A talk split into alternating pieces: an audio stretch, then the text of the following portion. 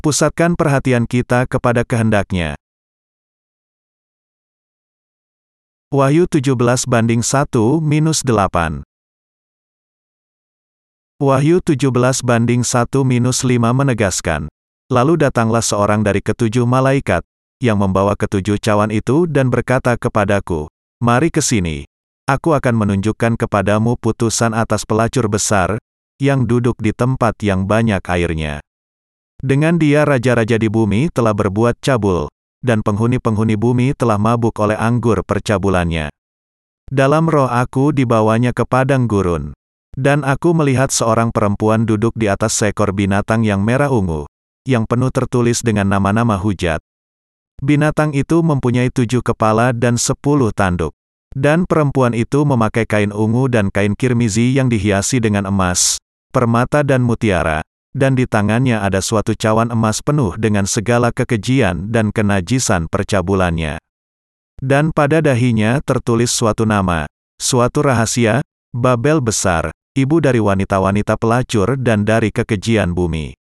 Pelacur di dalam ayat di atas menunjuk kepada agama-agama dunia, dan di sana dikatakan bahwa mereka sudah memuaskan keinginan diri mereka dengan kemewahan hal-hal dunia dan kelimpahan materi yang diberikan oleh Tuhan. Mereka mendandani diri dengan segala macam kemegahan, dengan kalung emas dan anting intan, dan memakai segala macam wangi-wangian. Bagian di atas menjelaskan bahwa di tangannya ada cawan dari emas, dan bahwa di dalamnya penuh dengan segala kekejian dan kenajisan percabulannya. Inilah yang ditunjukkan Yahweh kepada Yohanes.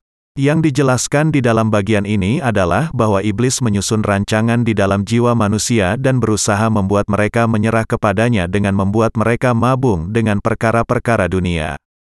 Semua raja dunia, juga, sudah dibuat mabuk dengan perkara-perkara dunia oleh iblis. Dengan demikian, semua manusia di dunia ini sudah menjadi mabuk dengan anggur percabulan dunia ini.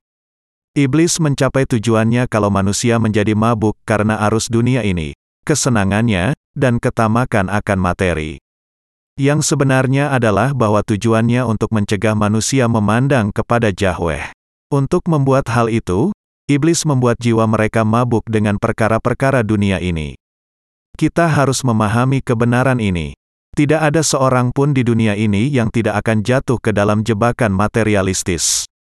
Semua orang jatuh ke dalam materialisme.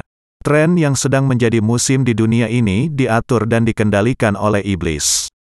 Semua orang mengira bahwa dirinya memiliki gaya yang unik. Tetapi di belakang semuanya terdapat satu manipulator, dan manipulator itu tidak lain dari iblis sendiri.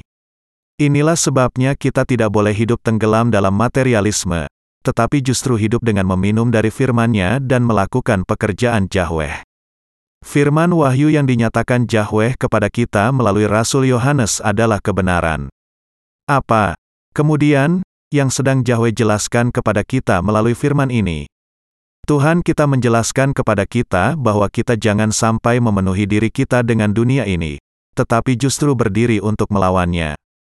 Ia mengatakan kepada kita, orang-orang kudus, dengan kata lain, untuk memikirkan dan mempercayai Yahweh di dalam hati kita. 1 Yohanes pukul 2.15 mengatakan, Janganlah kamu mengasihi dunia dan apa yang ada di dalamnya. Jikalau orang mengasihi dunia, maka kasih akan Bapa tidak ada di dalam orang itu. Ketika hati kita mengasihi perkara-perkara material di dunia ini, Yahweh tidak bisa berdiam di dalam hati kita. Tetapi ketika hati kita membuang semua perkara-perkara duniawi, Yahweh kemudian akan berdiam di dalam hati kita. Jangan sampai kita menjalani kehidupan yang tenggelam di dalam perkara-perkara material dunia ini. Hanya ketika kita merenungkan firman Tuhan dan tujuannya saja kita bisa dipimpin oleh tuntunannya. Kita bisa mengubah pikiran kita kapan saja. Ketika perkara-perkara dunia berusaha masuk ke dalam hati kita, kita harus senantiasa menolaknya.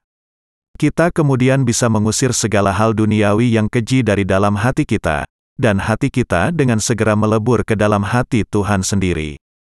Apa yang Tuhan kita kehendaki dari diri kita, dan apa yang diperintahkannya untuk kita lakukan. Untuk memastikan bahwa pikiran yang ilahi yang akan muncul di dalam hati kita, kita harus menghapuskan perkara-perkara duniawi dari dalam hati kita.